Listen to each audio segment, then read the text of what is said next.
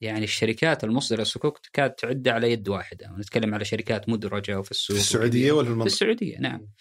فالشركات قليلة. والإشكالية كانت فيها أن أحيانا تكون عدم يعني وعي كافي بالأدوات الموجودة.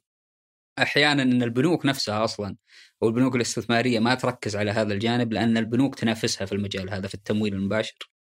الشيء الثالث اللي هو عدم وجود بنية تحتية حديثة تسمح لك بأنك تنزل السعر والتكلفة والوقت وإلى آخره بحيث انه يكون البرودكت هذا المنتج هذا منافس في السوق.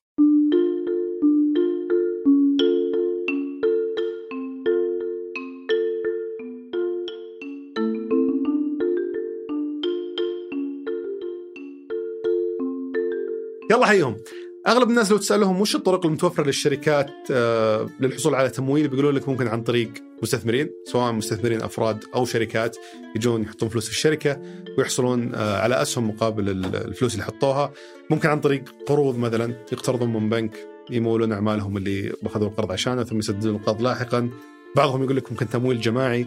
لكن أحد الطرق اللي يمكن أغلب الناس ما يعرفونها خارج القطاع المالي أو ما يعرفون تفاصيلها اللي هو ممكن ال- ال- الشركات تطرح آه، صكوك تحصل على استثمار من خلالها والمستثمرين يحصلون على عوائد من خلال الصكوك هذه بدون ما يملكون في الشركة آه، بشكل مباشر. وش الصكوك هذه؟ هذه من الأشياء اللي بنشرحها في الحلقة اليوم بالتفصيل إن شاء الله للناس اللي ما يعرفونها. آه، ليش ال- ال- الشركات عادة تلجأ لطرح صكوك بدل ما تروح تحصل على تمويل بالطرق الثانية؟ برضو واحد الأشياء نتكلم عنها. والأهم من ذلك نتكلم عن المنصة اللي أسسها ضيفنا اليوم محمد السهلي منصة وثاق اللي تقدم البنية التحتية آه، المبنية أو اللي تستفيد بالمناسبة من تقنية البلوك تشين آه، لترتيب إصدار الصكوك هذه وتوزيع العوائد الخاصة فيها وحفظها وما إلى ذلك. فبنناقش مع ضيفنا اليوم ليش اختار المجال هذا تحديدا يعني المجالات اللي يمكن أغلب الناس ما يشوفها وما يشوفون ال- فائدة إنه يسوي business فيها. كيف قدر قدر يدرس الفرصة فيها؟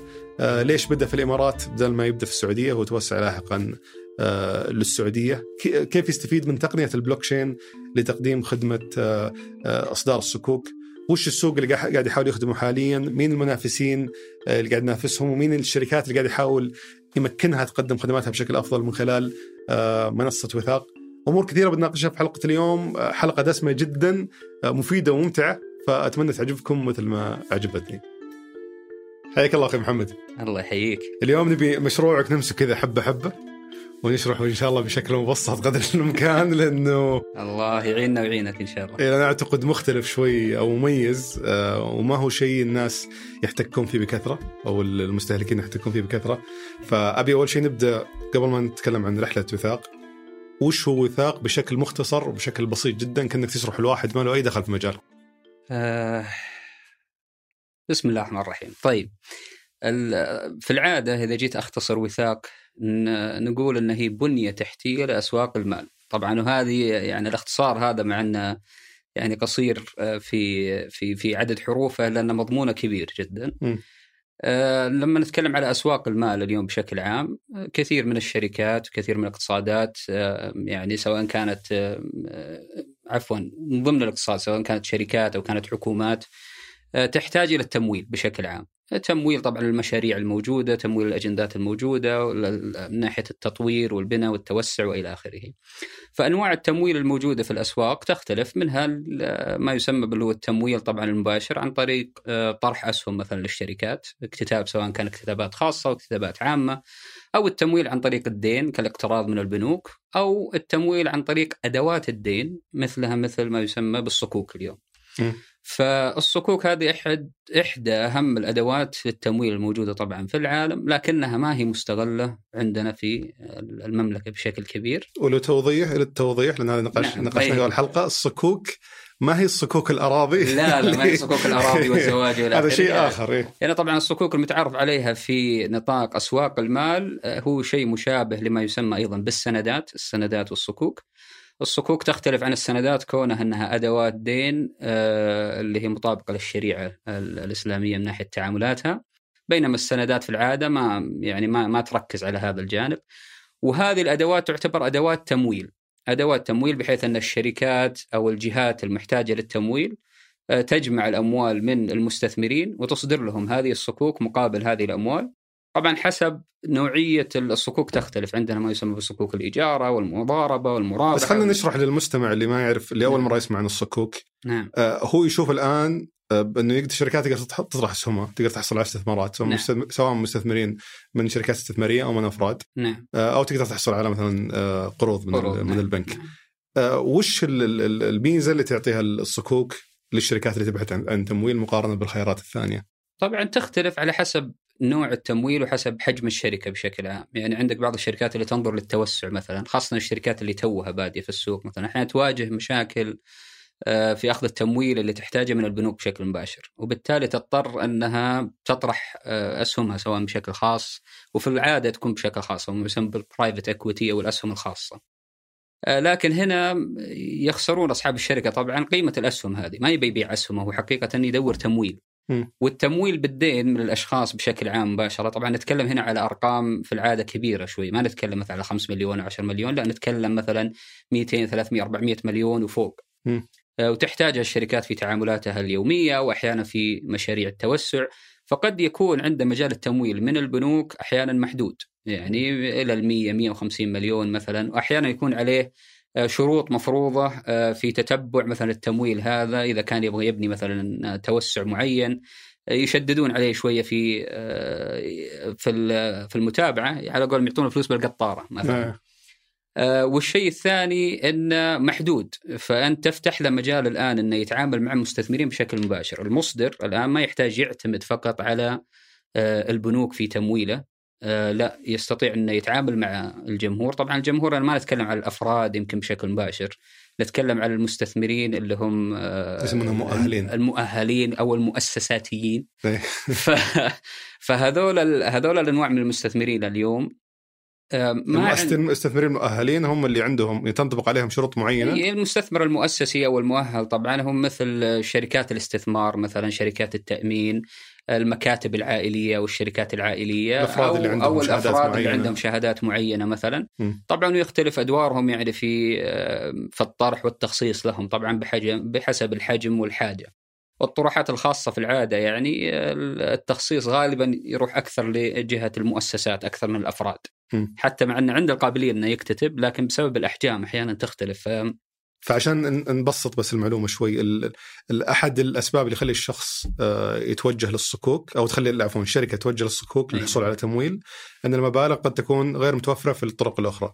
قد تكون غير متوفرة وطرح الصكوك اليوم مثلا البنوك الاستثمارية تقدم الخدمة هذه طرح الصكوك لكن المشكلة أنهم ما يقدمونها لفئة معينة يعني ينظرون عندهم سقف أو آه، نقول حد أدنى للتعامل مع الصكوك م. إذا كان أقل من مثلا أقل من 300 مليون ريال مثلا ما ما يتوجه لأنه يقول لك ال ال- الكوست أو القيمة ال- التكلفة حقت الإصدار تكون عالية عليه بحيث إنه ما تخارجه في النهاية وش هذا- هذا الصك البند. هذا اللي يصدر اللي مخليهم يعتقدون التكلفة عالية آه، فيه؟ الصك هذا طبعا فيه أنواع إحنا نت- نتكلم إن عندك بنك مرتب أحيانا لل- للطرح أو يكون أكثر من بنك مرتب للطرح عندك اللي أنت تروح عادة كشركة تروح للبنك تقول تروح للبنك مثلا وتقول له أطرح. أطرح صكوك مثلا البنك وش يجي يبدأ في البداية ما يسمى بالمرتب مثلا ال- الأساسي الأولي ال lead arranger يسمونه. هذا الشخص أو هذا البنك آه، يكون كمدير للمشروع مدير للطرح بشكل عام مدير للاكتتاب هذا. وانت ليش تروح للبنك أصلا؟ هو يروح للبنك عادي مثل مثل طبعا البنك أنا أتكلم عن البنك الاستثماري اللي هو ما هو البنك نفسه ولكن الذراع الاستثماري للبنك. حلو مثل ما عندك مثلا الرياض والرياض كابيتال الإنماء والإنماء للاستثمار الأهلي والأهلي كابيتال وليش يصدر صك بدل ما يعطيك المبلغ مباشرة؟ فطبعا هذه عندهم منافسة أصلا داخل البنك بين الاثنين بين ال corporate finance اللي هم ال- اللي يعطونك التمويل بشكل مباشر وبين إصدارات الصكوك.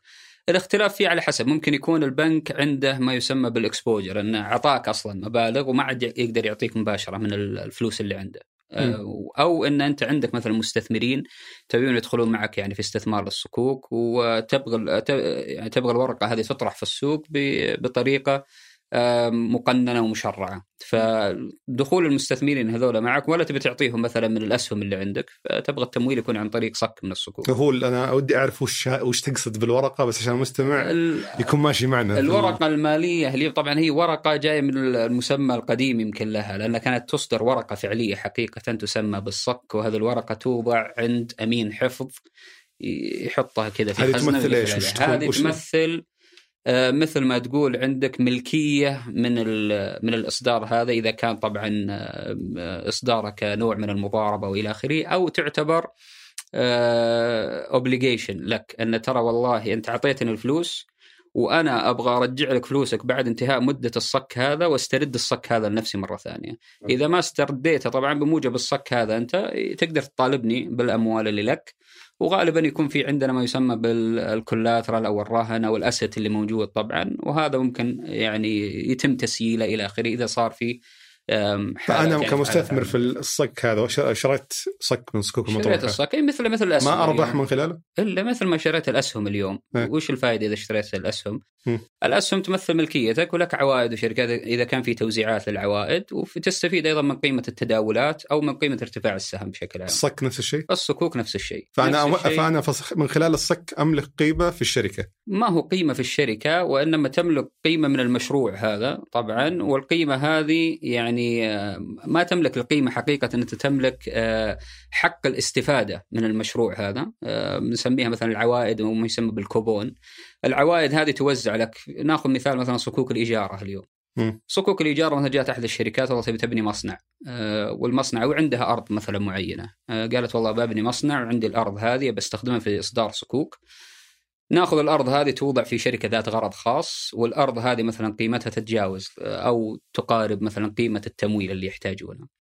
أه، وضعها في أه، شركة ذات غرض خاص تصير هي اللي تملك الأرض هذه وبعد كذا الشركة ذات الغرض خاص هذه بتطرح الصكوك للمستثمرين بالعدد المطلوب 500 مليون فلنفرض جمعت المبالغ هذه المستثمرين الآن صاروا يملكون الصك ويملكون ما تملكه الشركة ذات الغرض الخاص هذه اللي هو الأسيت هذا اللي عندهم الأرض. الأرض الموجودة. م. لكن بشرط إن بعد انقضاء المدة نفترض انها خمس سنوات المصدر له الحق في استرجاع أرضه بالقيمة الأساسية اللي آه، وضعت لها ال 500 مليون هذه واللي مشتري الصك ياخذ عوائد المشروع اللي تم ياخذ فاللي يصير ال- الشركة ذات الغرض الخاص هذه مع المستثمرين يأجرون الأرض هذه على صاحب المشروع تمام؟ وهو بيدفع قيمة إيجار اللي تحسب لهم كعوائد أو أرباح الآن في هذه المرحلة. نفترض انه فالصكوك 5% دائما 6%. لها عوائد. إي نعم لها عوائد. طبعا عوائدها تختلف إذا كانت توزيعاتها ربعية ونص سنوية والى آخره. بعض أنواع الصكوك قد تكون إنها العائد حق حقها يدفع مع آه، استرداد الأموال. مثلا نقول إنه والله على مدى سنتين آه، دخلنا في صكوك استصناع مثال آه، أو صكوك السلم مثلا تدفع العوائد مرة واحدة أو قد توزع العوائد طبعا. في أنواع من الصكوك يجوز تداولها. وفي أنواع من الصكوك لا يجوز تداولها. بس أنا تسمح. لي خليني بحاول أشرح. نعم. طبعا الشركة ممكن تصدر صكوك أكثر من مرة نعم. لعدة مشاريع لتمويل عدة مشاريع. نعم. فأنا كشركة جاي الحين أبي أسوي مشروع جديد. أي. أصدر صكوك خاصة في المشروع. الصكوك تكون مرتبطة في أصل آه، طبعا ممكن يصدر على مشروع ممكن يصدر على مستوى الشركة كامله بحيث إنه يضم أكثر من مشروع تحت المظلة نفسها. جميل. فالصكوك هي تكون مرتبطة في بقيمه معينة اللي يحتاجها نعم. تحتاجها الجهة هذه لتنفيذ مشروع معين أو لتوسع معين أو نعم. ايا كان. نعم نعم. قيمة الصكوك هذه تمثل قيمة الأصل المرتبطة فيه. ما هو بالضرورة طبعا هنا قد تكون تمثل القيمة أو قد تكون جزء من القيمة. هنا على حسب آه، حسب بس لازم في شيء. يدعمها في حال في, ما في شيء لم يدعمها يتم أي نعم أي نعم. اللي يدعمها في العادة مثل الأصول أو كانت سواء اصول أو تكون بعض المداخيل الموجودة أصلا تدعم آه، إصدار الصك بحيث إنك تعرف من وين المستثمرين راح تجيهم الفوائد فأنت تقول أنا والله عندي خمس شركات مثلا تحت منظومة والخمس شركات هذه تنتج لي عدد معين مثلا من الملايين في السنة فبستخدم هذه على أساس أسدد لمستثمرين الصكوك بشكل عام. فلازم يكون عندك طريقة واضحة كيف بتدفع للمستثمرين هذول طبعا مستحقاتهم وفي نفس الوقت حسب الأسيتس الموجودة هذه تحدد أنت شرعية تداول الورقة المالية هذه من عدم تداولها. آه، لا, لا, نتشعب فيها بس المقصد إيه، انه ممكن. في النهاية الأوراق المالية أنا كمستثمر أجي أشتري أوراق مالية طرحتها شركة نعم على أساس أحقق عوائد من خلالها نعم وبعد عدد من السنوات بيجي يشتريها طبعا هذا. اللي يسمونه العوائد الثابتة وال fixed income، العوائد الثابتة الم- والميزة في الصكوك اللي تحاول تدخل للسوق انها بتوفر لك أداة استثمارية أنت كمستثمر يكون لك دخل ثابت منها، أدوات الدخل الثابت أو ال fixed income تسمى. فتجي تشوف والله ورقه ماليه إذا قال لك 8% في السنة أو 9% في السنة خلاص هذه ثابتة 8% في السنة و9% في السنة. فأنت على اساسها تستثمر وعارف عوائدك.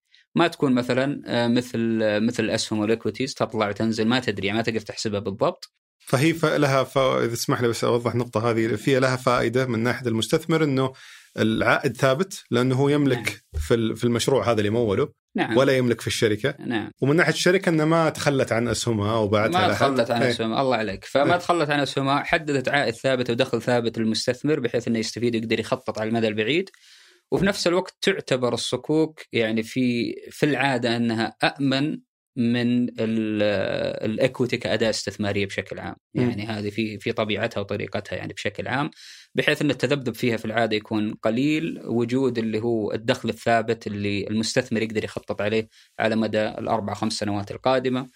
آه، وحتى مقارنة يعني أسواق أسواق الدين في العالم بأسواق الأسهم يعني أسواق الدين تعتبر أضعاف أسواق الأسهم الموجودة وتداولاتها بحيث الاقتصاد العالمي بشكل عام كله يشتغل على على أدوات الدين. والصكوك من ضمن أدوات الدين يعني بشكل عام. وش في أدوات دين ثانية غير الصكوك؟ عندك أنت طبعا هم الاثنين الأكثر استخداما آه، البونز السندات اللي هي مثل الصكوك لكن ما يعني ما تنظر لجانب آه، الالتزام الشرعي في في في تعاملاتها. وهي طبعا تعتبر النسبة الأكبر يعني في العالم وتجي الصكوك يعني كجزء منتشر غالبا في العالم الإسلامي. المملكة يعني تعتبر من آه، القادة يعني في مجال إصدار الصكوك بشكل عام. آه، وعندنا طبعا دول الخليج بشكل عام. وبعد كذا عندك ماليزيا تعتبر أيضا من الدول اللي متحركة جدا في مجال الصكوك بشكل يعني أو بآخر. جميل. آه. واللي واللي يحق لهم يصدرون الصكوك هذه هي البنوك الاستثمارية؟ آه المصدرين نتكلم عن الشركات بشكل عام أو الذراع الاستثماري للبنوك. هذول يكونون المرتبين يعني للسكوك للطرح، المرتب للطرح آه يكونون أشخاص مرخصين آه من من قبل هيئة السوق المالية. ويكون عندهم رخصة ترتيب هذا الأساسي يعني وش وش يرتب يعني إيش يسوي؟ يرتب وش ترتيب الورقة المالية بحيث إنه يقعد مع المصدر هذا يشوف وضعه المالي ويقدر يطلع له بنصيحة معينة بحيث إنه ترى تستطيع إنك تجمع هذا العدد من الأموال وتقدر تسدده خلال هذه العدد من السنوات. يعني يشوف يراجع مع الأصول إيه العوائد وتقدر تدفع هذا العدد أو هذه النسبة من العوائد للمستثمرين. حلو. فهذا اللي يسويه المرتب مع يرتب وضعه يرتب وضعه في نفس الوقت المرتب هذا يسمى بالترتيب لأنه يوفق رأسين بالحلال المصدر والمستثمرين. فغالبا المرتبين يكون عنده يعني آه، لستة طويلة من المستثمرين، البنوك الاستثمارية في عادتها عندهم يعني قاعدة بيانات من المستثمرين. ويعرضون الطروحات هذه. وفي نفس الوقت البنوك الاستثمارية في العادة تستخدم البنوك اللي هي تكون أحيانا تحت نفس المظلة. بحيث أن الخزينة في البنك أو إدارة الثروات أيضا يستثمرون في بعض الإصدارات إذا كانت تناسب آه، اللي العملاء عملائهم أو إذا كانت تناسبهم هم كبنك أيضا م. يستثمرون فيها يعني بشكل عام بعد كذا عندك طبعا اللي هم آه، شركات التأمين، الشركات العائلية إلى اخره، هذول كلهم يدورون الأصول اللي آه، تدر عليهم دخل ثابت. جميل. فقد تنظر للصك الآن والله بعض الناس يمكن يفكر في الدخل الثابت يفكر في العقار مثلا، يكون م. عندي والله إيجارات وعقارات تدخل لي دخل ثابت. بس الآن هذه آه، يعني إضافة للسوق بحيث إنك جبت منتج استثماري آه ما بقول إنه ما هو موجود ابدا في السوق ولكنه غير مفعل حقيقة. يعني جميل. ما في عمق في السوق في انتاجات وإصدارات الصكوك وبعد ما يرتب لك ال... فالترتيب هذا طبعا تدخل فيه جولات صولات وجولات. عندك آه المراجعين القانونيين المراجعين الشرعيين عندك آه اللي هي الشركات اللي تسوي وش يسمونه ال scoring وال rating. عاد يحسبون المخاطرة. المخاطرة مثل S&P وفتش وإلى آخره. موديس هذا إذا كان اصدار كبير جدا أو إنه ممكن تعتمد على الموجود مثل سيما وغيرها يعني من الخدمات المقدمة. آه هذا كله طبعا آه يحتاج لشغل. وفي العادة يكون يعني آه عندك التلفونات والإيميلات والنقاشات. المرتب هذا هو اللي ينسق بين الجهات هذه كلها على أساس يطلع في النهاية ب آه، ورقة الإصدار نفسها أو وش كان اسمها هي ال offering memorandum يسمونها طبعا. الله أكبر. ف... ورقة الطرح ورقه الإصدار هذه طبعا اللي اللي يطلع عليها المستثمر حتى يشوف إيش تفاصيلها مثل الاكتتابات اليوم. إذا جيت تكتتب مم. عندك آه، آه، وش يسمونه؟ نشرة الإصدار. نشرة الإصدار فنشرة الإصدار هذه آه، تطرح طبعا تطلع يعني بعد مخاض طويل يعني من النقاش هذا اللي تكلمنا فيه كله يطلع عليه المستثمرين. إذا أعجبهم الكلام اللي فيها استثمروا. وإذا تم الاستثمار الآن المرتب هذا وش يسوي؟ يجمع الفلوس هذه كلها يروح يعطيها ل المصدر بشكل عام ويتابع العملية هنا وخلاص. بعد كذا ينتهي دوره كمرتب.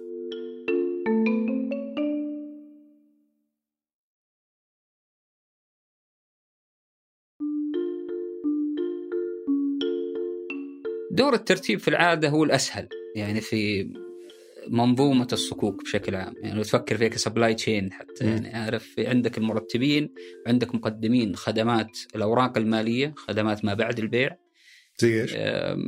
مثل اللي هو يسمونه وكيل الوكلاء مثلا وكيل الدفع وكيل التسجيل أو وكيل الحفظ وكيل النقل إلى آخره فخدمات الوكالة هذه الموجودة يعني تختلف تسميتها طبعا عندنا في المملكة بحكم اختلاف القوانين طبعا العالمية والمحلية عندنا شيء يسمى بالتراست لو وعندنا في المملكة يعني نستفيد آه، أو نعوض عنه بوجود آه، منظومة آه، اتفاقيات قانونية تعوض عن اللي هو مفهوم التراست لو هذا اللي موجود برا يعني حلو. فخدمات الوكالة هذه وش هي مثلا؟ الآن مين اللي يقوم بعملية متابعة توزيعات الأرباح؟ مم. هذا يسمونه مثلا وكيل الدفع، وكيل الدفع هذا قد يكون نفسه البنك المرتب وقد لا يكون البنك المرتب لأن في العادة آه، مو في العادة كثير من البنوك ما يملك الأوبريشنز أو ال- التشغيل. التشغيل آه، اللي يسمح له إنه يتابع الخدمات هذه وهذه الخدمات في العادة ما تجيب له دخل عالي مثل الترتيب اللي في البداية لأن الترتيب في البداية ياخذ ياخذ فلوسه خلاص إذا خلص وانتهينا. بينما التشغيل هذا مستمر معك طول مدة الصكوك أربع سنوات خمس سنوات إلى آخره. آه، والحفظ نفس الفكرة طبعا يقدم كخدمات. الآن نجي نتكلم بعد كذا وش نقصد يعني بالخدمات هذه وكيف تنعكس أصلا كبنية تحتية في في وثاق بشكل عام. اللي تكون في وثاق اليوم وليش أصلا اللي تكون في وثاق هو مهم أصلا؟ وش الفائده منه؟ وليش التعب هذا كله على على اللي قاعدين نسويه؟ إن إذا جيت بس قبل ما ندخل على أنا تدخل في نص وثاق الحين أنا أبي. أبي أرجع للبداية. أرجع حبيبي تفضل. ليش الت... وش اللي خلاك تلتفت للموضوع أساسا؟ والله يا طويل العمر. أنا قدر الله علي. لا الفكرة حقيقة شوف بدأت في 2018 كانت ك...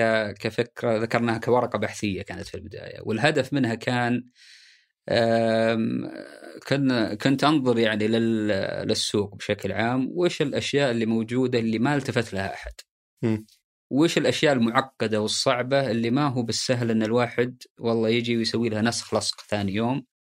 ويعني يكون فيها يعني يحتاج لها شغل حقيقة بغرض إنك تسوي business فيها؟ بغرض إنك تسوي business فيها لكن في البداية قلت أبغى أشوف وش ال market حقيقة فبدات ورقة بحثية كانت وكان معنا فيها يعني احد شركات ال technology معروفه R3 وكان معي فيها Clifford Chance إحد أكبر مكاتب المحاماة المعروفين رويترز في البداية وبعدين جنبناهم على وش جنب جاب الجماعة هذول معك كلهم؟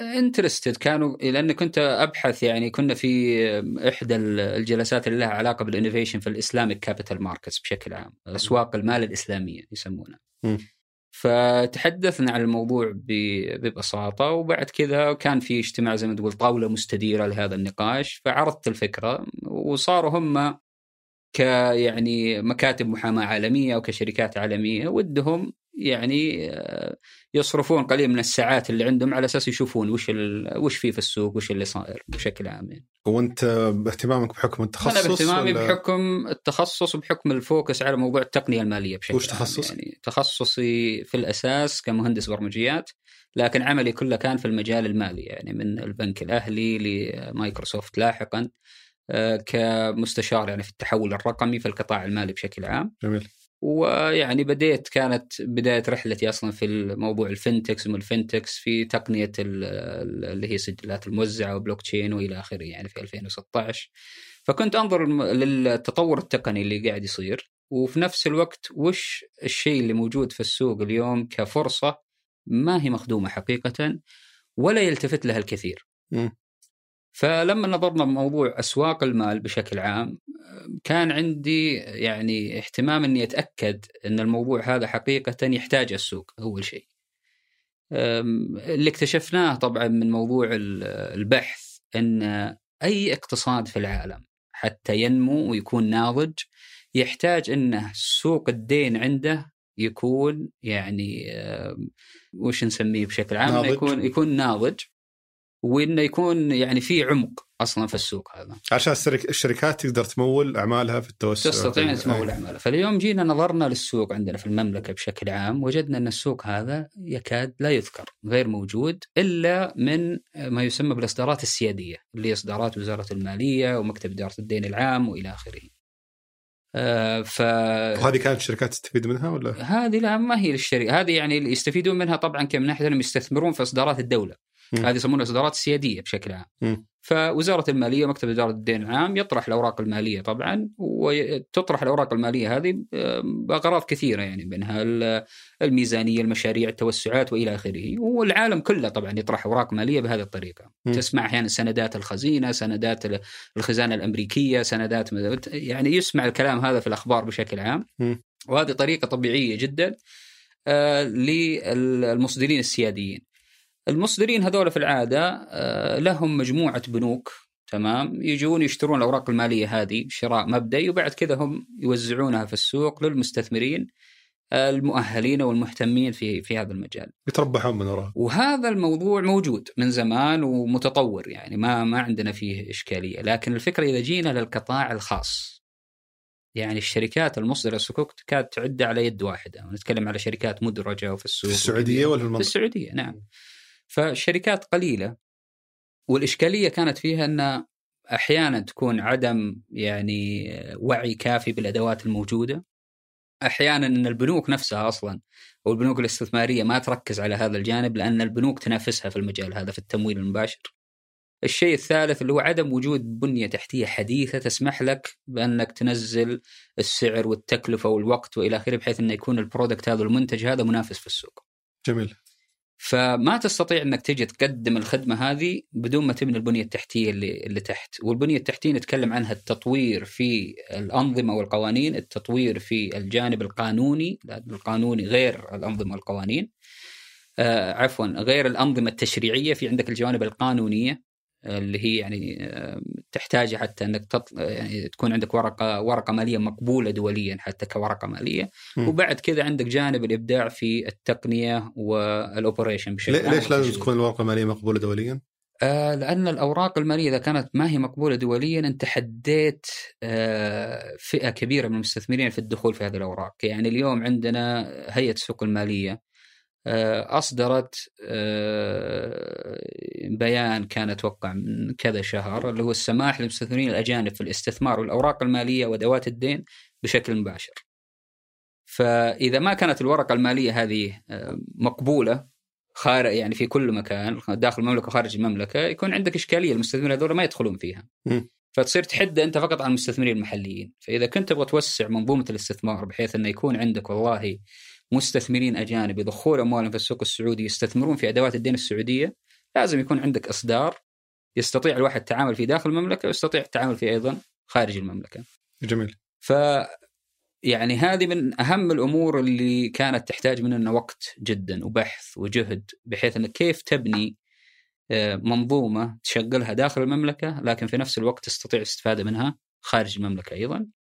تستطيع جذب رؤوس الأموال من الخارج إلى السوق المحلي عندنا في هذه الإصدارات، يعني بحيث أن المستثمر الأجنبي ما هو عنده فقط آه، سوق تداول يروح يشتري منه آه، الأسهم، لا أبغى يكون عنده جهة ثانية اللي هي إن شاء الله وثاق يعني. كجهة يتوجه لها لشراء أدوات الدين بشكل. عام وتداول أدوات الدين بشكل عام. طبعا جميل نتكلم عن أدوات الدين الغير مدرجة، المدرجة تكون عند تداول ما عندنا. حلو فأنت تكلمت عن موضوع بديت بورقة بحثية نعم. قد يكون المستمع يتساءل ليش ورقة بحثية؟ ليش مو بدراسة جدوى مثلا؟ هي الورقة البحثية جزء منها طبعا دراسة جدوى لكنها ما هي مالية أكثر مما أنها أول شيء نبي نفهم وش يكون الإمباكت أو إيش يكون الأثر الأثر. حقيقة على استخدام التقنية الحديثة مع التطوير في التشريعات مع التطوير في الأنظمة القوانين مع التطوير في التطبيق وضمها كلها تحت بعض كذا بحيث إن هل الشيء هذا حقيقة يؤثر في السوق ولا لا؟ وهل الشيء هذا أصلا مرغوب في السوق ولا لا؟ فهي تعتبر دراسة جدوى لكن يعني متطورة شوي يعني ورقة بحثية أنا أسميها ليش؟ لأن كان فيها أكثر من جهة مشاركة. مم. ونزلت الورقة البحثية هذه كانت في يعني في 2019 في بداياته. آه، والشيء الثاني استخدمناها كأساس لبناء المشروع بشكل عام. فهي تعتبر جزء من دراسة الجدوى. يعني أضيف لها ال- الأمور ال- المالية يعني معها. وصارت دراسة جدوى. رغم إن دراسة جدوى متعوب, متعوب عليها شوي. واسمه حلو. اي ورقة بحثية. طيب تأكدت الآن بعد الورقة البحثية تأكدت إنه في فرصة الآن في السوق. نعم. وش كانت الخطوة التالية؟ الخطوة التالية تأسيس الشركة والبداية طبعا. ف بديت في الإمارات أنت؟ بدينا في الإمارات. وش سبب بدايتك هناك بدل السعودية؟ والله في الإمارات كان في ذاك الوقت عندهم يعني ال innovation testing license وما يسمى بالرخصة التجريبية كانت آه، بدأت لها أكثر من سنة. و- وكان عندهم قبول لفكرة رخصة تجريبية أي قطاع؟ الرخصه التجريبيه في القطاعات المالية بشكل عام مثل مثل ال sandbox ال- ال- البيئة التجريبية اللي عند البنك المركزي اللي موجودة عند البنك المركزي وموجود أيضا عندنا عند هيئة السوق المالية. مم. فكان في الإمارات في هذيك الفترة انه لا أكثر من سنة يعني اشتغل وعندهم آه، البيئة التنظيمية والبيئة القانونية عندهم اللي هي ما يسمى بال English law اللي هو القانون الإنجليزي هناك فتسمح لك بحيث إنك يعني تبني شيء آه، يصل صدى عالمي يعني بشكل عام مباشرة. مم.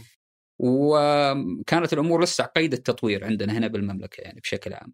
فبدأنا البداية يعني بشكل عام في في 2019 طبعا كانت وكان تأسيس الشركة ومن يعني من ثم اللي هو التقديم على الرخصة التجريبية هذه. وكنا من اوائل الشركات يعني اللي اللي, اللي تدخل. كنا أظن رابع شركة تحصل على ال innovation هذه testing license والرخصه التجريبية في في دبي. آه، وأخذ الموضوع فترة طويلة طبعا إلى أن تخرجنا يعني من التجريبية إلى الرخصة الكاملة، يعني ما تخرجنا الرخصة الكاملة إلا بداية السنة هذه. ما شاء الله. 2020 فما أخذ الوقت تقريبا يعني. مبروك الله يبارك فيك. ف... فصار عندي وش هناك ال... الحمد لله خلال الفترة هذه طبعا اللي كنا فيها وش أول شيء بديت تسويه في خلال فتره في خلال فتره تجريبيه وش اللي حاولت تسويه؟ أول شيء بدينا نسويه اللي هو طبعا الورقة هذه اللي تكلمنا عنها الورقة البحثية كانت هي أساس التقديم للمشرعين إن ترى يا جماعة الخير هذه الطريقة اللي نبي نبنيها وهذه التقنية اللي بنستخدمها. وهذه التعديلات اللي نحتاج نسويها لاحقا في ال rules وال regulations أو في التنظيمات والتشريعات الموجودة. وكان في حل موازي أو مشابه عالميا؟ آه، آه، بشكل كامل لا ما في لكن بشكل منفصل نعم لأن الخدمات اللي تقدمها وثاق يعني تعتبر آه، خدمات آه، مجموعة تحت مظلة واحدة. ففي بعض أنواع الخدمات اللي ممكن تقدمها شركة من الشركات لكن بشكل عام يعني من البداية للنهاية غير موجود في العالم. جميل فأنت وهذا- تقدمها كلها كخدمة واحدة. كلها كخدمة واحدة اللي يسمونها يعني محل واحد. one stop shop على. واجهت صعوبة في مع المستثمرين أو مع البيئة التجريبية في إنك تشرح ال... والله جدا في البدايات نعم كان يعني كانت الفكرة صعبة إنك تشرح تقول ترى قاعدين نبني بنية تحتية لأسواق المال. المستثمرين يتكلم حتى على بعض ال VCs يعني. أو شركات الاستثمار. الجيريه. فكان تركيزهم أكثر طبعا على التطبيقات التجارية والتطبيقات بشكل عام يعني فكان تفكيره منحصر في هذا المجال.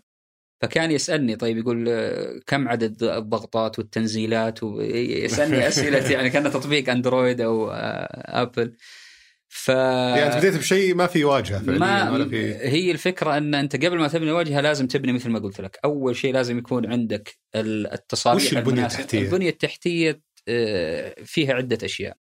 أول شيء إنه يكون عندك التصاريح المناسبة من الجهة المشرعة اللي تسمح لك بالقيام بالأعمال اللي تستطيع القيام فيها. هذا جزء هذه جزئية، طبعا هذه ليش هذه أحطها من الجزئيات؟ لأنه من بداية الموضوع ما راح تلقى التصاريح اللي تحتاجها موجودة أصلا. فتحتاج هنا إلى عملية نقاش ومحاورة مع المشرع إنه يسمح لك ضمن البيئة التجريبية في الاختبار وبعد كذا يبدأ يطور نوع من التراخيص اللي يناسب العمل اللي تكون فيه. لأنه هذه كانت التصاريح الموجودة اليوم يعني موجهة للشركات التقليدية. موجهة للشركات التقليدية حلو. فاليوم مثلا لو جيت في المملكة عندنا نظرت ال- اللي تستخدم تقنية السجلات الموزعة في طرح الأوراق المالية وحفظ الأوراق المالية ما في إلا شركة واحدة مم. وثاق حاليا. حلو. بس قبل ما ندخل أنت التسجيلات الموزعة اللي هي البلوك تشين صح؟ اي نجي قبلها. فهذه ه- طبعا فأنت عندك التصاريح لتجهيز البنية التصاريح التحتيه لتجهيز البنية التحتية. سواء التصاريح اللي موجودة تقدر تستخدمها بشكل مباشر أو التصاريح اللي راح تبنى مع المشرع بشكل عام بحيث إنها تناسب منظومة العمل وهذا هدف البيئة التجريبية هذا- هذا- تشتغل. مع مشرع عشان تطلعون. بتصاريح فهذه الجزئية الأولى، الجزئية اللي تجي فوقها اللي تسمى اللي هي بالأمور القانونية، الآن استخدام المنصات المالية، أنت قاعد تستخدم منصة تقدم لك خدمات مالية. إذا جيت تبني شيء تبغى الموضوع هذا يكون والله يشتغل محليا وفي نفس الوقت دوليا لازم تبني الأمور القانونية وشروط الاستخدام والسياسات ما. ما تقدر تاخذها نسخ لصق. وهذا اللي يسوونه كثير مثلا من الشركات اليوم والله okay دخلت البيئة التجريبية شوف لي شركة مشابهة في مجال العمل انسخ اللي عنده والصقه وانتهينا. ما تقدر. لازم تفصلها تفصيل. وخاصة إنك قاعد تبني business الآن يشتغل في أكثر من آه، اللي يسمونه jurisdiction أو آه، مقاطعة. نطاق آه، نطاق قانوني. اللي هي طبعا. النطاقات النطاقات القانونية هذه تختلف طبعا. يعني اللي ممكن تسويه يشتغل في الإمارات قد يشتغل معك في آه، في اليو كي في بريطانيا قد يشتغل معك مثلا في آه، سنغافورة ليه؟ لأنه مثلا ينظرون لموضوع ال- القانون الإنجليزي بشكل عام لكن إذا جيت تبي تبني شيء للسوق المحلي عندنا في المملكة ما تقدر تستخدمها نفسها مباشرة مم. لازم إنك تبني شيء يوافق تبني نظام متوافق مع السعودية آه، النظام الموجود إيه. طبعا آه، هذه ال الأمور القانونية لازم تشتغل فيها طبعا مع محامين يعرفون الفروقات الموجودة بين ال- النطاقات المختلفة اللي أنت تشتغل فيها بشكل عام. فتطويرها يتطلب وقت خاصة الخدمات الجديدة اللي تبي تقدمها أنت مثلا وغير موجودة لازم يكون لها يعني آه، طرق قانونية لتقديم الخدمة بشكل عام لأنها ما ما حد قد قدمها مثلا بالطريقة هذه. فعلى واضح فر راسك المحامين. إيه، بعد. أكثر مكلف للمحامين فانت عندك التصاريح عندك الجانب القانوني؟ عندك الجانب القانوني وبعد كذا يجي عندك الآن جانب التقنية المالية والتقنية بشكل عام. وال blockchain ال distributed ledger وال blockchain الآن يجي ك layer أو يعني ك م- وش نسمي ال layer هنا يعني ك آه. يعني ك- ك- كطبقة موجودة إيه. تمام وهذه الطبقة اللي هي آه، تعتبر بنية تقنية الآن الأولى تكلمنا عنها البنية ال- ال- التصاريح. البنية- التصاريح بنية الأنظمة. القانون والأنظمة بعد كذا البنية التقنية أنا أكون صريح معك ما قد سمعت أحد يقول أستخدم البلوك تشين وأخذته بجدية ف لأنه هذه دائما تذكر جت فترة صحيح خاصة مع يوم بدوا الناس يتكلمون كثير عن صحيح. البيتكوين والعملات الرقمية كل شوي يطلع لك مشروع إحنا مشروعنا مبني على البلوك تشين صح تروح تناظر إما تكتشف إنه أصلا ما يحتاج بلوك تشين يعني ما. ما له أي سنع. أو إنه ما يستخدم البلوك تشين بس يعني صحيح وإحنا طبعا يعني هذه من الأمور اللي أخذنا في وقت إحنا طبعا ما نستخدم البلوك تشين عشان نفرق بين البلوك تشين كمفهومها طبعا اللامركزي والموزع كالبيتكوين والى آخره نستخدم تقنية السجلات الموزعة م. وهي شبيهه في استخداماتها للبلوك تشين طبعا تضيف لك فقط عملية التسجيل عملية حفظ آه، التعاملات بشكل عام بطريقة أنها تزيد من الأمان وتزيد مثلا من الشفافية بس إنها ما هي لا مركزية لا مركزية أي هذه مركزية. مركزيه أيوه ليش وش وجه؟ الشبه معها ومع. وبين البلوك تشين؟ شوف وجه الشبه إنك بتحصل طبعا أنت على additional أو طبقة إضافية من الأمان والشفافية بشكل عام، لكن في اختلافات في التطبيق، يعني كانت إحدى الأمور يوم قلنا ورقة بحثية، ليش قلنا ورقة بحثية؟ مم. لأن كان فيها هذا الجانب اللي هو عملية است- استكشاف الطريقة المثلى لتطبيق المشروع اللي نحتاجه من ناحية تقنية أيضا.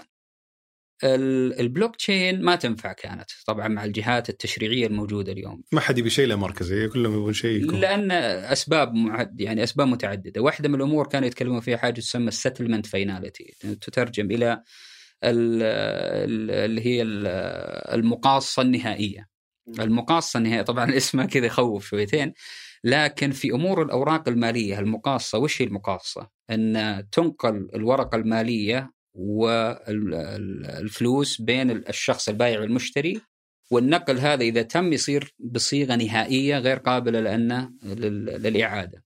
حلو. فقال لك ال- البلوك تشين العامة هذه ما تعطيك المقاصة النهائية ليش؟ لأن قد يكون هذول المعدنين الموجودين أو ال network نفسها ال- الشبكة الموجودة قد يكون في أشكال. طبعا هذا الكلام في 2018 يعني 19 يمكن الأمور الآن تطورت أكثر.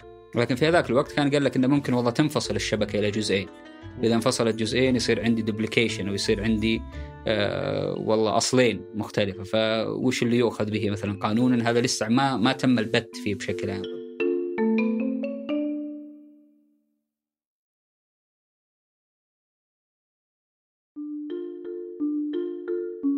ودي بس بما إن المستمع غالبا مصدع يعني بهالمرحلة أبي أشرح برضه وش فكرة البلوك تشين بشكل بسيط إنه لو بهالسياق مثلا يكون في بدل ما يكون في وثاق مثلا يكون في النص هو اللي يتحقق من كل العمليات اللي تصير نعم. يصير فيه آه، أفراد في الشبكة موجودين كلهم عندهم نفس المعلومات حقت نعم. السجلات اللي موجودة على ش- على- عند وثاق بحيث إنه أي تعديل الأفراد هم نفسهم أو اليا أنظمتهم هم اللي يأكدون على صحة التعديل هذا من عدمه وخلاص يصير الموضوع بينهم ما يكون في نقطة مركزية يتم فيه نعم. هي اللي تحسم ال- طبعا هذا يعني السيناريو هذا اللي هو إزالة الوسطاء بشكل عام وتوزيع المسؤولية على الشبكة بشكل عام، سواء كانوا أفراد أو كانوا جهات مرخصة في حاجة يسمونها ال federated مثلا chain وفي حاجة اللي هي لا البلوك تشين اللي تعتمد على أنواع كثيرة من أنواع التوثيق كال proof of work وال proof of stake وال proof إلى آخره إيه، ما. نبي نتوسع أنواع فيها. إيه. بس و- لكن وش هذا تجي لا مركزيتها في هذه الناحية وش الجانب اللي استفدت منه في وثاق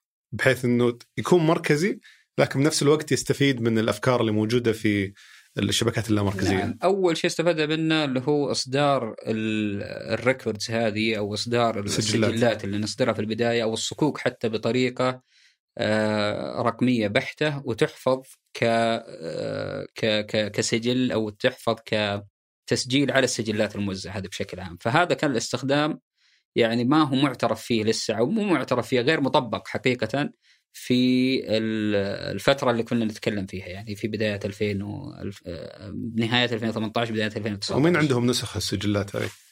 ما اللي عندهم نسخ مو بنسخ من السجلات نفسها لكن يكون عندهم نسخ من ال- ال hash ال encryption حقت السج... حقت تشفير حقها. التشفير حقه فيستطيع إنه يأكد هل المعلومة اللي عندك صحيحة أو خاطئة فقط بس مين هم؟ بس ما- وين وين أماكنها يعني؟ هذولا أنت على حسب طبعا تستطيع إنك أنت تعينهم حسب الاتفاق بينك وبين المشرع قد يكون أنت المسؤول الوحيد المركزي أمام المشرع وإذا المشرع سمح لك ممكن يكونون مثلا آه، البنوك المشرع نفسه قد يدخل معك ك node أو آه، ممكن يكونون عالميين حتى يسمون اللي هم ال notary nodes هذول اللي هم مثل كتاب عدل قاعدين. بس يختمون على ال transactions فأي أي شيء يصير في وثاق كل ال- ال- ال- النقاط أو الأطراف كلنا. طبعا المشاركين. حاليا حاليا وثاقي المسؤول الأول والأخير يعني على الموضوع هذا.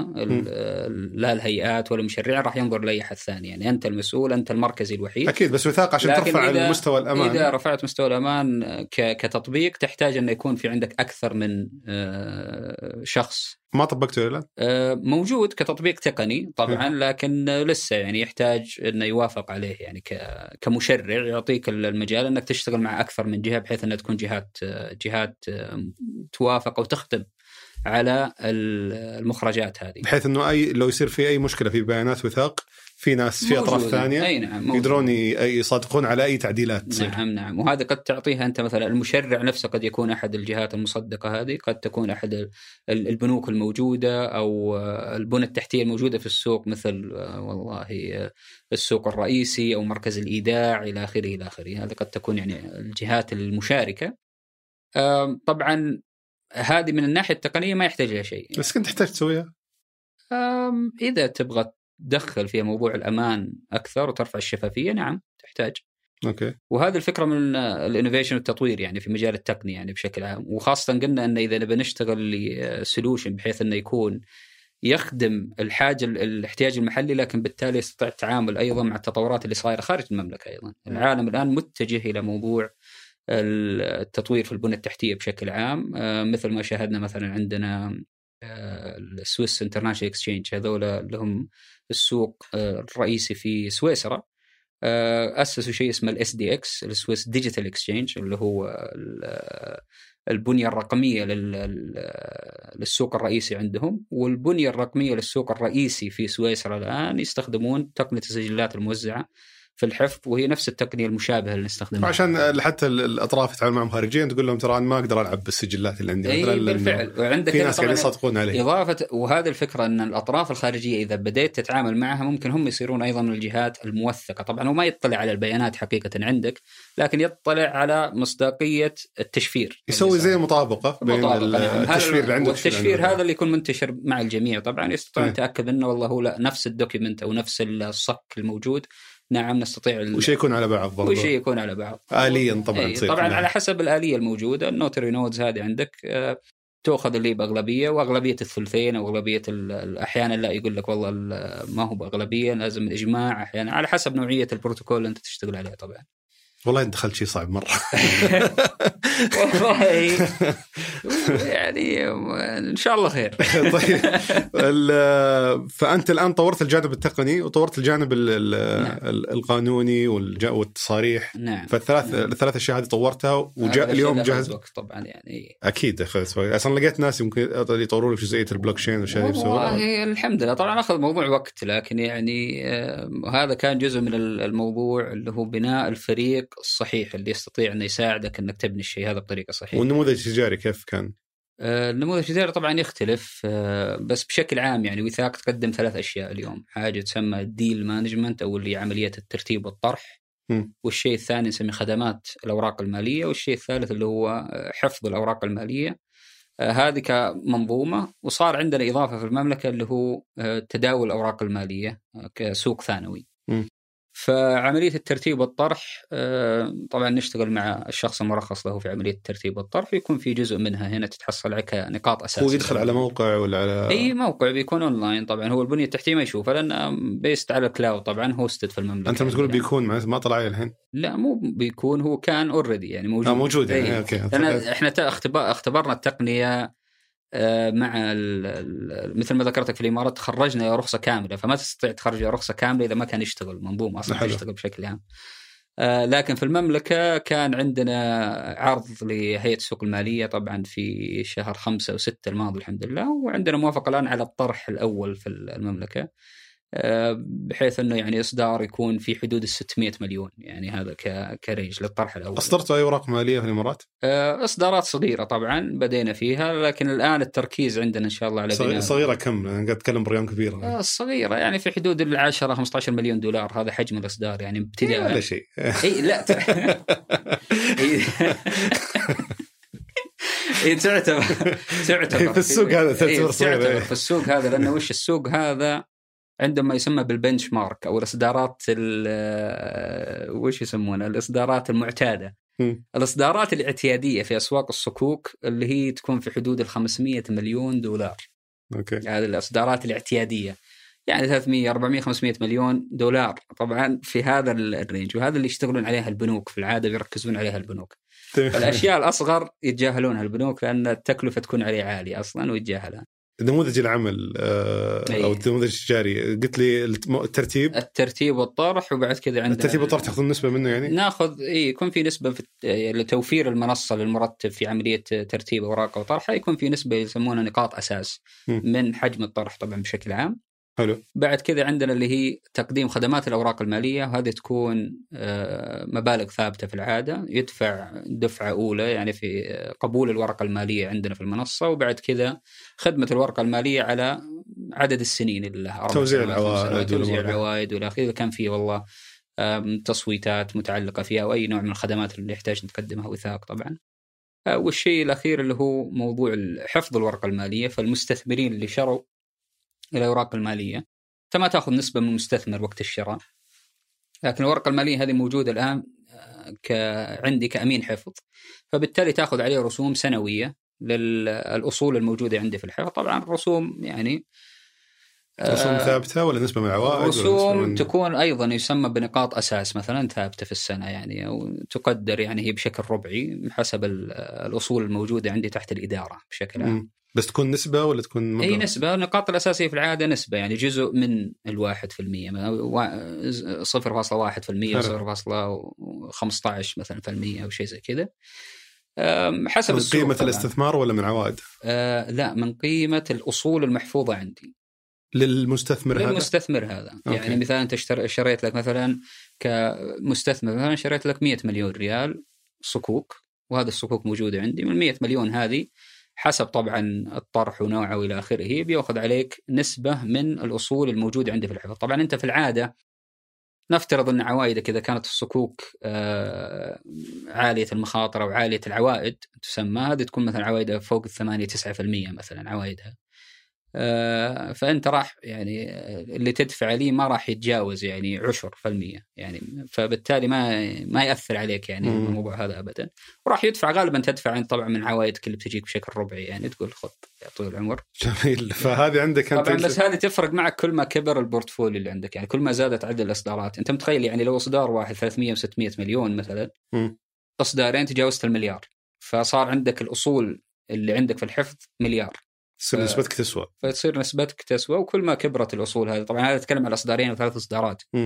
فإذا وصلت مثلا لعدد ال critical mass نسميه اللي هو عدد المطلوب بحيث إنه خلاص ال business ما شاء الله يصير يعني يشيل نفسه يعني في ال 15 ل 20 إصدار مثلا خلال آه، السنة أو السنة أو سنة ونص مثلا إذا الله يسر الأمور.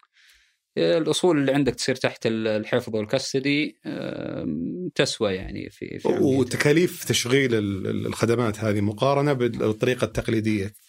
إي طبعا آه، خدمات الأوراق المالية وخدمات الحفظ بشكل عام آه، يعني الوضع الحالي مثلا ذكرت أكثر من مرة 50 إنه- إلى 60% تقريبا أقل من الموجود في السوق كتكلفة يعني. بس أنا ذكرت ال- ال- ال- الآن في البنوك مثلا ما يهتمون الأوراق المالية تكون منخفضه القيمة بسبة التكلفة مثلا. مسبة التكلفة. أي. فوش التكلفة اللي أصلا؟ التكاليف عندك أنواع منها التكاليف وأنا أكبر التكاليف اللي يجون فيها اللي هم المحامين اللي يجون في الأوراق. المحامين هذول دائما هم طبعا في إصدارات الصكوك خاصة اللي تكون أحجامها شوي كبيرة.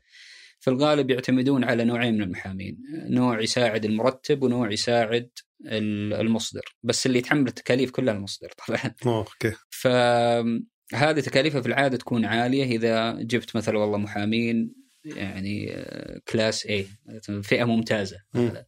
طبعا كل ما قلت فئة المحامين كل ما كانوا أرخص لكن كل ما كانت الورقة المالية يعني ما هي بذيك الجودة في آه، أمورها القانونية. فهذه تستقطب المستثمرين أقل. وهنا تختلف طبعا أنت على حسب. المستثمرين الموجه لهم الورقة المالية وعدد المستثمرين إذا كان والله واحد مستثمر واحد مصدر وعارفين بعض أمورهم طيبة الأمور تكون أسهل يعني في في الترتيب خاصة في الأمور الطرح الخاص طبعا في بعض الأمور المشروطة ما يقدر يتجاوزها يعني بس يقدر يخفف يعني من القيمة عليه بحيث يخفف من العبء القانوني يعني, يعني. غير القانون. لكن إي لكن الأمور العادية يعني إذا نتكلم على إصدار طبيعي وبيكون في والله مستثمرين من داخل وخارج المملكة لا لازم يندفع عليه شويتين يعني ف... مم. فهذه تكون إحدى أكبر التكاليف الموجودة طبعا هنا إذا ال- القانونيين هذول اللي اشتغلنا معهم بشكل عام قاعدين نوفر لهم مكان على المنصة بحيث إنه يدخل ويداري كل أوراقه وأموره ويصير عنده زي ما تقول مكتبة مم. يستطيع اعاده استخدامها لاحقا آه أوكي. وهذه الطريقة إذا بنيناها إن شاء الله يعني مو بنيناها إذا يعني زودنا عدد ال- المستندات الموجودة في المكتبة هذه تقل التكلفة لاحقا لأنه بيعيد استخدامها بطريقة آه، تسمح له أن المستندات هذه تصير عنده intellectual property تصير عنده ملكية, ملكية فكرية. فكرية. فإذا صارت عنده ملكية فكرية معناه وش هو؟ معناه يقدر بدل ما يعطيك والله تكلفة استخراج مستندات جديدة ب 200 300 ألف لا. عنده مستند جاهز يناسب يناسب آه، إصدارك ويكون يكلفك والله مثلا 10000 أو 15000 مع التعديلات مثلا اللي تكلف 20 30000 فنزلنا ال cost الآن والقيمة والتكلفة من ال 100 150 إلى ال 30 مثلا ألف. هذه تعتبر الآن saving كبير. طبعا عشان بس هذه هذه توفير لك بس بالنسبة له هو يمكن يقدر يسوي الشيء هذا برا المنصة وياخذ نفس لا. بس وش اللي يصير؟ اللي يصير إذا سواه على منصة وصارت المنصة هي تجذب مست... تجذب مس- مصدرين بشكل مستمر يصير يس... يستطيع إنه يسوي business أسرع بشكل مستمر وأكثر. هذا أكثر نعم م. فال automation وال digitalization عملية الأتمتة وعملية آه، إن الموضوع يكون والرقمنة تساعد ال- الجهات القانونية هذه في جذب عمل أكبر وتسهل عليه أصلا العمل بشكل كبير. جميل غير الجانب القانوني وش في جانب ثاني؟ آه، عندنا غير كذا طبعا من ناحية التكلفة أيضا خدمات الأوراق المالية، خدمات الأوراق المالية المصدرين أحيانا ما يقدمونه هم بشكل مباشر. يعني بعض البنوك الاستثماريه تقدمها بشكل مباشر ويعتبر cost center عليه لا أكثر ولا أقل. يعني عنده تلاقي تكلفة تعتبر. 20 50 واحد قاعدين في المكاتب يسوون الخدمات هذه. بينما عندي أنا في وثاق أغلبها آه، تعتبر آه، مؤتمتة. فما أحتاج إلا شخص أو شخصين يعني عشان يشغلها. بالتالي الكوست يقل أيضا عليك آه، جدا. آه، الشيء الثاني اللي هو آه، طبعا تكلفة آه، الحفظ وإلى آخره. إذا كان المصدر غير البنوك أحيانا ولا عنده رخصة الحفظ فيحتاج أنه يجيب خدمة الأوراق المالية والحفظ من آه، أحد آخر عنده التراخيص هذه يحفظ لي إياها رقميا بالطريقة التقليدية ولا يحفظ لي إياها؟ هو يحفظها طبعا اليوم حتى في السوق عندهم الحفظ الرقمي لكن عندك يكون صك من الصكوك أحيانا اللي هو بشكل ورقي. ورقي. آه وإذا كان تقني يكون على database عادية مم. يعني ممكن أحد يخش ويعدل على. ال admin على قولهم يدخل ويحذف لك يحذف لك ال database فهذه الأمور الآن كانت كلها عوائق للمرتبين إنهم يروحون للصكوك الصغيرة هذه خاصة البنوك منهم يعني والشيء الثاني إنه خلاص يركز الآن على الخمسة والستة المصدرين اللي يصدرون والله الصكوك الكبيرة هذه أبو 300 مليون دولار ولا 500 مليون. دولار وإلى آخره. فالسوق اللي شفناه إحنا قلنا لا هذه الفئة من قد تكون شركات مدرجة في السوق لكن ما يحتاج يصدر 500 مليون دولار يبي يصدر 100 مليون دولار في حدود 300 مليون ريال أو أقل يعني آه، 80 مليون دولار مثلا 70 مليون دولار آه، ليش ما تعطيه المجال إنه يصدر الأوراق المالية مم.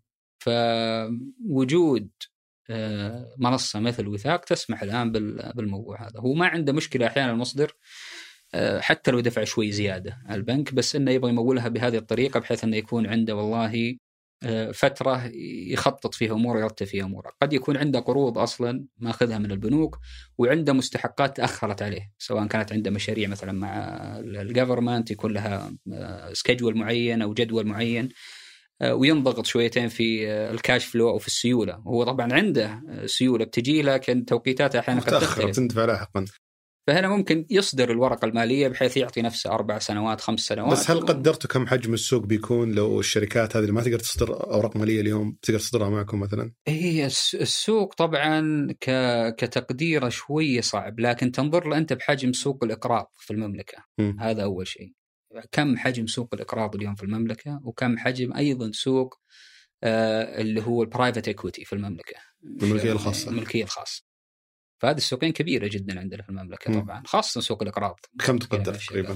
بليونز يعني صراحة مليارات. يمكن ما يحضرني الرقم تحديدا لكن موجودة ما شاء الله ال- يعني ال- الأرقام كلها يعني ودراسات يعني حديثة حتى مسوينها على حجم السوق وبعد كذا كم يخصص حقيقة من المبالغ في الاقراض للشركات المتوسطة والصغيرة. مم. طبعا الشركات المتوسطة والصغيرة تعريفها طبعا حسب منشآت وحجمها يختلف يعني ما ما تحسبها صغيرة انها والله ما عندها ما عندها دخل لا قد مدخولاتها قد تكون بالملايين يعني مم.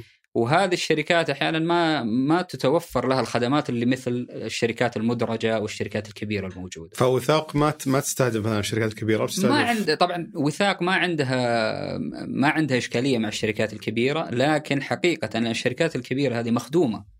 وعندها يعني الجميع يخدمها سواء كانت من البنوك للصناديق إلى آخره إلى آخره. إحنا بنوفر بيئه بحيث أن نخدم الشركات اللي هي يعني أصغر من منها شوي أو الشركات اللي تكون على وشك آه، على وشك الطرح أو شركات قاعدة تنمو بشكل يعني آه، آه، يعني ملفت للنظر تشوفه طبعا. وهذه قد تكون يعني هي البدايات لنا. حتى ودنا نركز على الشركات اللي هي في التقنية المالية بشكل عام. قاعدة تنمو. قاعدين نقول إن إحنا كمنصة رقمية نبي نخدم التقنية المالية في التمويل بحيث إنه ندف البنوك شويتين يعني على جنب. يصير يعني التعاون بين التقنية المالية كمنظومة بشكل عام.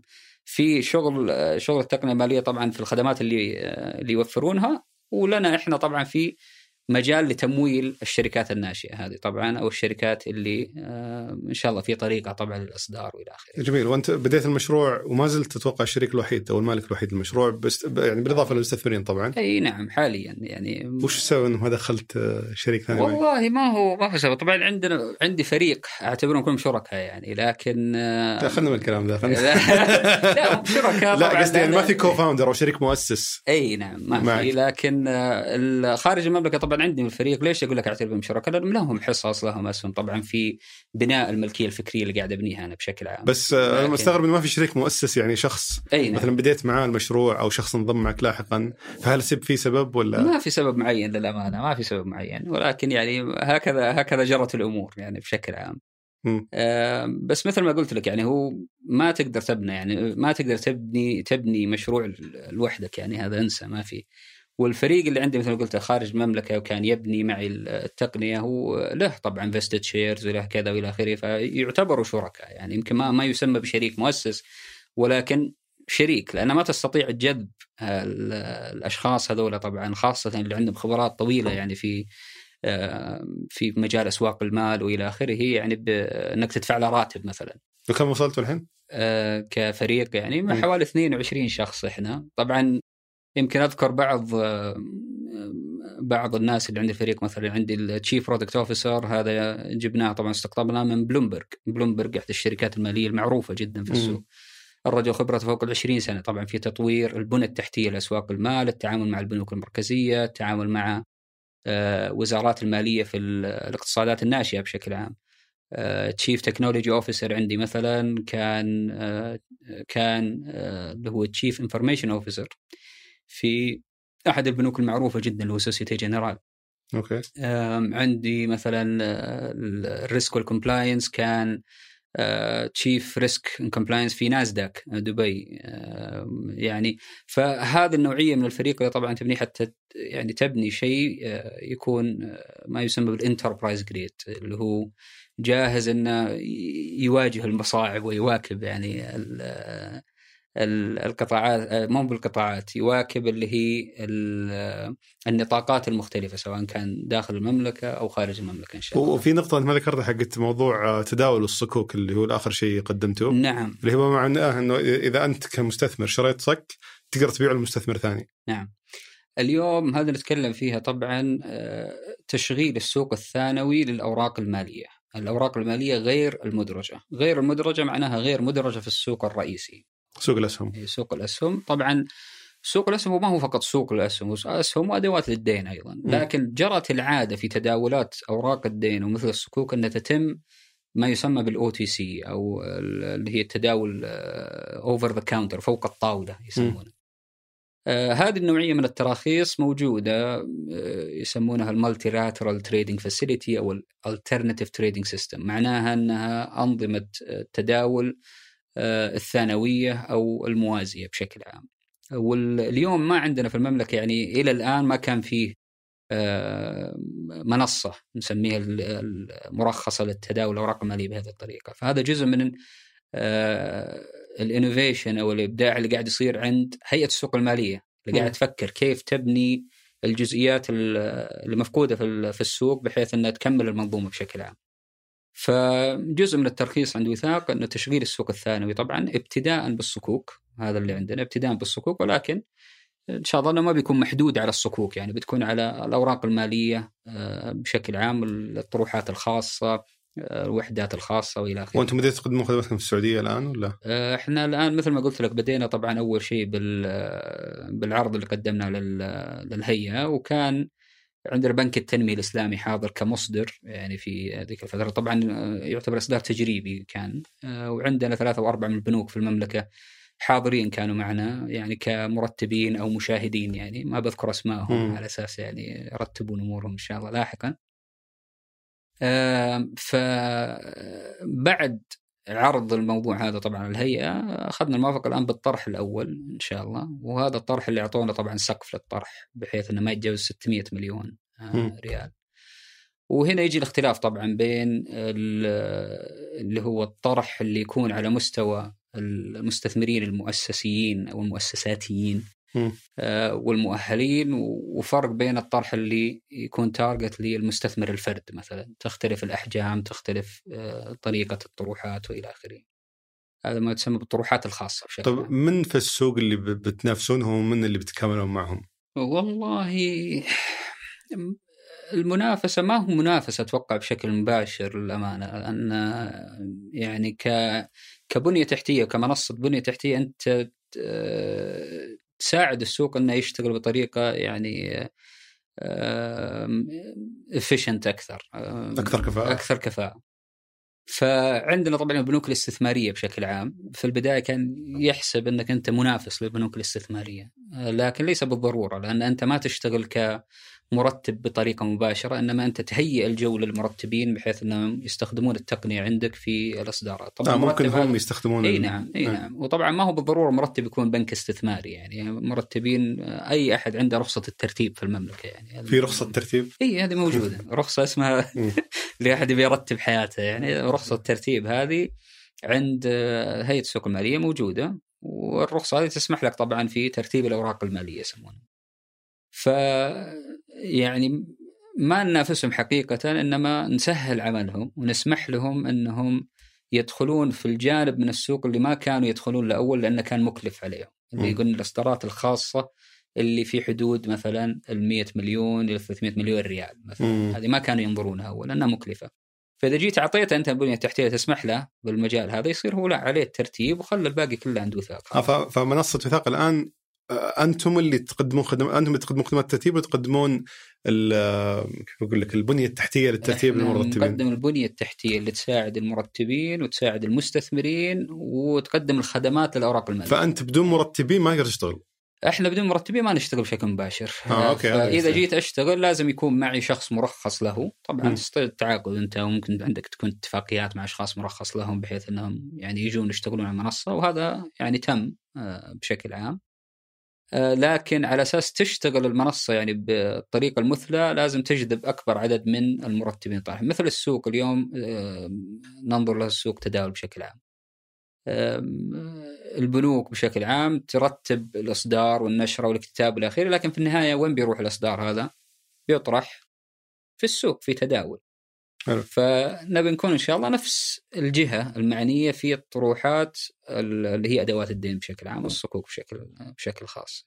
جميل آه الله يعطيك العافية بختم معك بس بالسؤال اللي نختم معه عاده مع. ضيوفنا آه في نهاية كل حلقه اللي هو لو بيرجع فيك الوقت الأول يوم لو- بديت فيه وثاق إيه بديت فيه وثاق من الورقة البحثية إيه. آه بنفس الخبرة وبنفس المعلومات وش اللي بتغيره وش ال- المشاكل اللي بتتجنبها في البدايه والله السؤال هذا سؤال عميق للأمانة. يعني آه، أنا أتوقع يعني يمكن واحدة من الأمور اللي كنا آه، صرفنا عليها يعني آه، كثير من الوقت اللي هو موضوع التجهيز والتهيئة كان في السوق خارج المملكة نظرة يعني النظرة العالمية global وما بدأنا بالتركيز على السوق المحلي يعني ابتداء فأنا أتوقع كان لو رجع فينا الزمن كان عكستها كان ليش بس كنت أنت قلت في البداية إنه ما كان جاهز السوق هو ما. كان جاهز من ناحية التشريعات لكن أتوقع كانوا المشرعين وقتها فاتحين الأبواب الموضوع اللي هي ال regulation ال sandbox بشكل عام فتاخرنا يمكن في هذا الموضوع يعني حول تسع شهور أو عشرة شهور أتوقع كانت العشرة شهور هذه قد نكون اليوم قاعدين نتكلم الآن في